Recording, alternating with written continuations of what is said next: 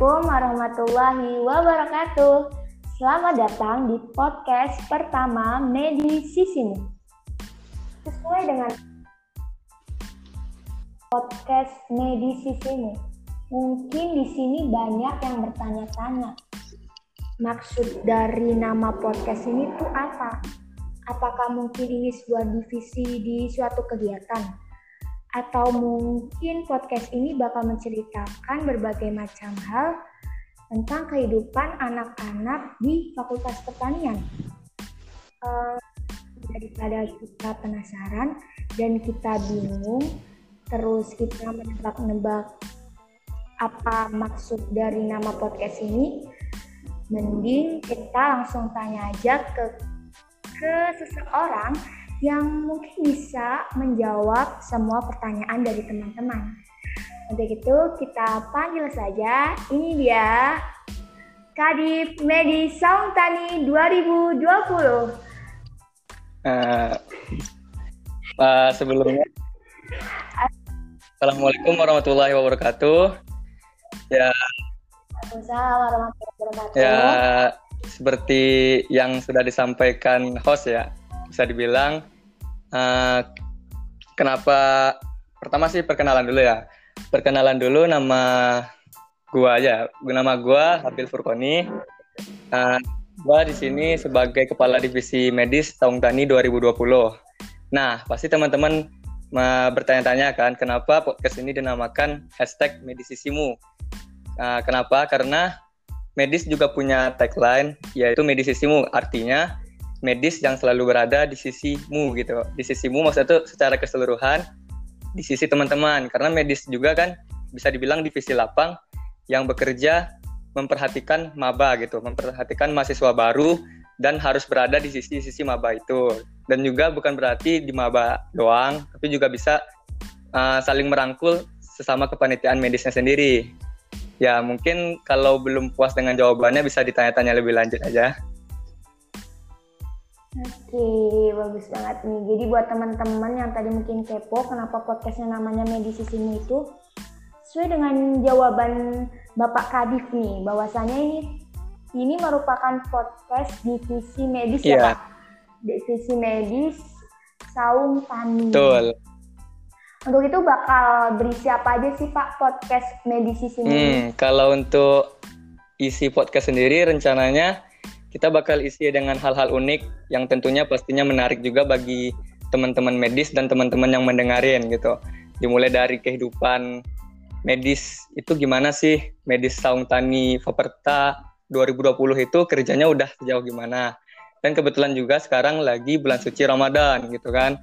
Jadi kegiatan internalisasi online apa yang dilakukan uh, teman-teman medis di di rumahnya masing-masing gitu karena juga kita tahu kan uh, adanya corona ya. Corona yang membuat kita pulang kampung ke rumah masing-masing dan mungkin sendiri saya bilang divisi lapang sama anggotanya. Nah, internalisasi online gimana sih yang medis lakukan dan banyak hal lagi yang mungkin terkait dengan divisi medis tahun tani 2020 ini sendiri gitu. Oke, berkaitan dengan ucapan Bapak tadi mengenai internalisasi divisi medis. Sejauh ini, selama proses uh, kegiatan online di rumah masing-masing, apa aja sih yang udah dilakuin divisi medis dan apa aja yang udah uh, Bapak jalankan gitu bersama anak-anak medis tahun tani? Nah, untuk mempersingkat waktu dan menjelaskannya mungkin secara singkat, mungkin kalau digambarin dari awal kan kita udah memilih staff-staff terbaik ya dari uh, anggota Faperta yang mendaftar di divisi medis gitu. Nah, kita udah melakukan RG RG perdana gitu secara tatap muka. Di situ juga ada jargon kan. Di situ mungkin kayak awal mula kita bertatap muka terus berdiskusi bareng, kenalan gitu. Terus juga pembagian amunisi karena juga kebetulan waktu itu lagi mau UTS gitu UTS di IPB kan. Semuanya lagi iya. IPB lagi mengadain UTS gitu UTS nah jadi dari RG udah berjalan akhirnya kami dipisahin. Padahal masih belum banyak kenal sifat teman-teman satu sama lain gitu. Jadi di situ langsung gue berpikir kita nggak boleh diam aja gitu kan. Karena juga arahan dari pemerintah tepatnya kita bukan diam aja tapi di rumah aja gitu kan jadi ini juga gue berpikir yeah. kita bakal terutama divisi 8 pasti butuh banget pendekatan terlebih dahulu biar kerjanya juga enak. Akhirnya gue memutuskan ngelakuin internalisasi online dan kerja-kerja yang versi-versi online-nya. Seperti dimulai dari kenalan di grup dulu aja gitu ngeramein di grup. Udah mulai sekarang udah masuk ke tahap oacean terus juga kalau ada yang ulang tahun mungkin lebih diapresiasi aja sih. Karena uh, yang mana gua waktu ngerancang grand design gua nekanin tiga poin penting. Di sini gua nekanin di bagian medis itu harus orangnya harus partisipatif. Partisipatif di di apa ya dijabarin jadi kayak disiplin bertanggung jawab profesional dan lain-lain. Terus juga poin keduanya apresiatif. Nah, apresiatif di sini yang gua maksud ya teman-teman Indonesia bisa saling menghargai tindakan-tindakan kebaikan yang dilakukan teman-teman yang lain gitu. Yang ketiga poinnya adalah poin cinta, cinta sesama teman-teman Hispanitia, cinta Saung Tani, cinta Faperta gitu dan lain-lain. Mungkin ya kegiatan-kegiatan lain ya udah banyak sih bisa di follow IG Medisisimu dan lihat kelanjutan-kelanjutan menarik lainnya. Uh, semoga uh, harapan Bapak itu kan sebuah doa ya Pak dan semoga bisa berjalan sesuai dengan harapan. Amin, amin ya rabbal alamin. Uh, hmm. By the way nih Pak, kenapa sih Bapak pengen jadi kadif medis Sauntani?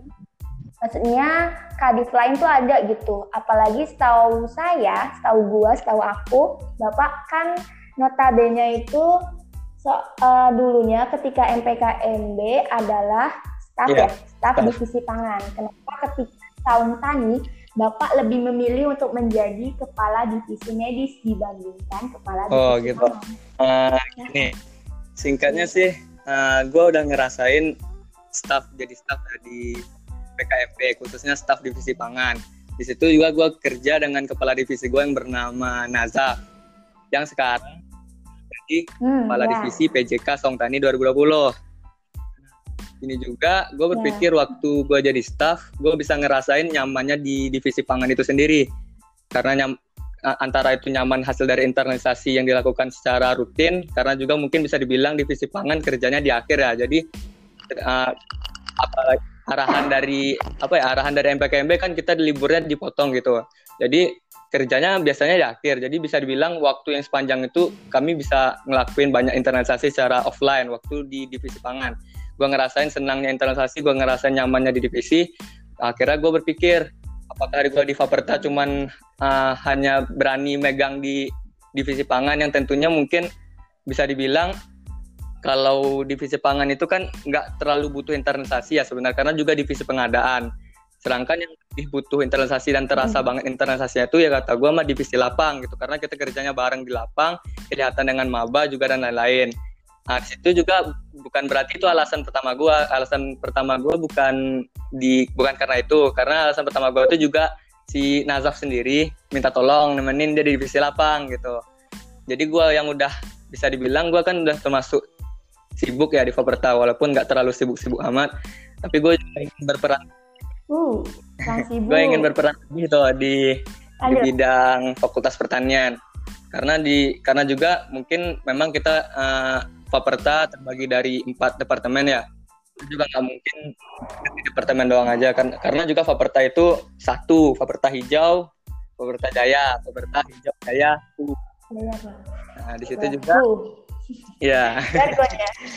Makanya maka dari itu gue juga masih banyak belum kenal nih sama teman-teman Faperta dan kontribusi gue gue pengen ngerasa gue butuh uh, pendekatan dengan teman-teman Faperta dan berperan lebih jauh lagi di situ gue juga uh, di lain sisi juga gue pengen bantu teman gue Nazaf kan yang yang mungkin bisa dibilang gue ngerasa dibantu banget waktu di divisi pangan dia sebagai kepala divisi. Dan juga gue waktu itu cuma cuma staff aja gitu kerjanya juga di apa ya di sama-sama bareng-bareng. Jadinya udah kira gue niat pertamanya emang bantu dia aja.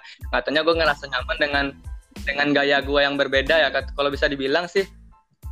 Gue di divisi pengadaan tapi gue tuh ngerasa gue tuh punya sifat dan apa ya kayak rasa-rasanya tuh pengen di lapang gitu nggak nggak betah aja di pengadaan karena aku ngerasa lapangan itu luas gitu gue juga sering main di lapang terutama gue juga aktif di atlet ya lari-lari gitu di lapangan Oke. Okay. Ya, jadi hobinya hobi dikembangin aja gitu. Apalagi juga medis ya, medis kan berkaitan dengan kesehatan. Yang yang gue lihat juga sejauh ini gue tipe orang yang jarang banget sakit gitu. Maksudnya tuh karena hmm, alhamdulillah ya masih disyukuri nikmat sehat dan waktu luang. Waktu luang enggak sih. Sekarang udah lumayan berkurang waktu. Akhirnya gue berpikir kalau gue tipe orang yang sering sehat atau bisa dibilang jarang sakit, kenapa enggak gue ngebantu orang-orang yang kira-kira membutuhkan kesehatan gitu kan ya udah gue ambil di divisi lapang yang bagian medis itu mungkin singkat ceritanya oke okay. oke okay. tadi ada kata Boleh. yang menarik nih pak uh, sibuk sibuk di Faperta By the way, kesibukan apa aja sih yang Bapak emban untuk sekarang, baik di lingkup departemen maupun fakultas ataupun Hmm, sebenarnya gimana ya? Bukan sibuk di Faperta sih tepatnya, tapi sudah ngambil peran yang kemungkinan besar eh kemungkinan bes kemungkinan besar berurusan juga dengan Faperta terutama Faperta 55 gitu. Ya kalau bisa dibilang sih gue diamanahin uh, sebagai ketua angkatan proteksi tanaman 55 yang mana di yang mana di Fakultas Pertanian kan terbagi empat departemen ya ada manajemen sumber daya lahan atau sekarang banyak yang bilang ilmu tanah gitu terus ada agronomi dan hortikultura ada proteksi tanaman ada arsitektur lanskap. Nah jadi Faperta kan terbagi empat departemen. Jadi di situ bisa dibilang gue nggak berperan di Faperta tapi gue berperan di departemen gue sendiri. Nah, di lain sisi juga gue ngerasa hmm. itu juga ada hubungannya dengan Faperta karena koordinasi kami dengan ketang-ketang yang lain juga udah mulai kebentuk gitu, mulai dari Fahri ya sebagai ketua apa ketua angka ya ketang ketang Faperta terus dia udah berkoordinasi bertemu sama ketang AGH juga, ketang ARL, ketang MSL kami udah apa kayak bisa dibilang komunikasinya udah bagus, orang-orangnya asik-asik, nggak ada yang saling departemenisasi bisa dibilang kalau pertemuan antar ketang kami ini udah bisa terutama ya gue gue kenal sama si Rudi Rudi ketang MSL karena waktu di C4 satu lorong. Terus si Baik juga uh, uh, ketang AGH udah mulai dekat sih karena gue ngerasa si Baik kan dulu dekat sama si Nazaf kan mereka juga udah sering kayak buat forum-forum untuk ngurus angkatan. Selaku juga si Nazaf dulu katanya pernah pernah jadi PJS gitu. Terus di Pijeng, Pijeng nih hmm. ya Pijeng ke tengah RL. Dia juga pernah di MPKMB kan dia dekat sama si siapa ya pokoknya si pokoknya kayak relasi-relasi yang dekat-dekat gitu akhirnya gue jadi kenal dan si Fahri juga teman super BUD-an gitu. Hmm. ya, pokoknya hmm. hmm. jadi waktu BPKU juga udah sering tuh satu tutor. Kalau kalau BUD kan setiap malam ada tutor ya. Misal kayak landasan matematika tuh di CCR habis maghrib. Nah, kebetulan gue sekelas sama si Fahri. Nah, di situ juga udah mulai kenal. Si Fahri juga tipe orangnya yang sopan baik gitu kan. Jadi bisa dibilang kalau kontribusi besar di Faperta itu belum kerasa banget. Jadi makanya gue gabung ke kepanitiaan Saung Tani yang di mana kepanitiaan kepanitiaan terbesar di Faperta sih menurut gue kalau Saung Tani yang meliputi banyak orang ya. Karena karena juga maba juga di maba 56 yang Faperta nih gabung. Kita ngurusin tuh. Bisa dibilang kayak itu tapi bagian uh, fakultas gitu kan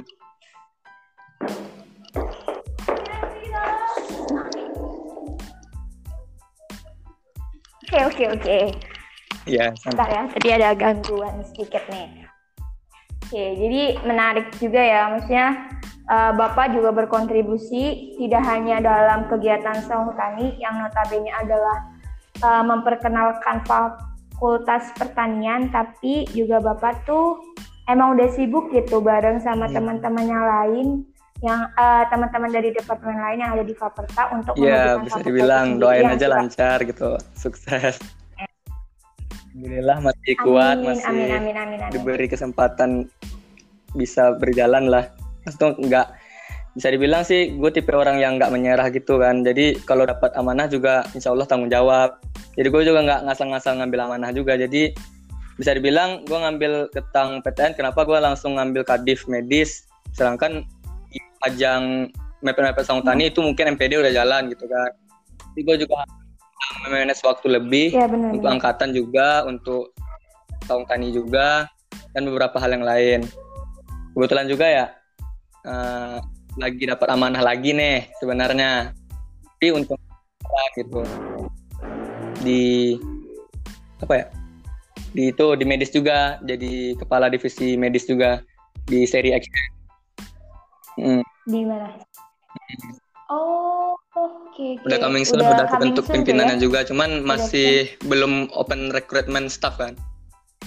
Dan itu juga udah nggak mikir-mikir apa gitu, udah bisa bilang itu udah banyak pertimbangan juga untuk memilihnya.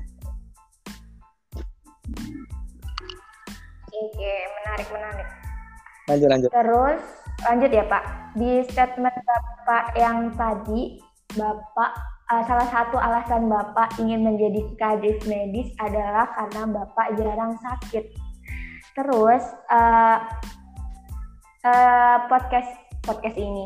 Jadi uh, gue mau tanya nih tips. Pak, apa sih tips ya tips Bapak jarang sakit padahal kita adalah mahasiswa pertanian yang pastinya sering banget buat hmm. turun ke lapang gitu ya.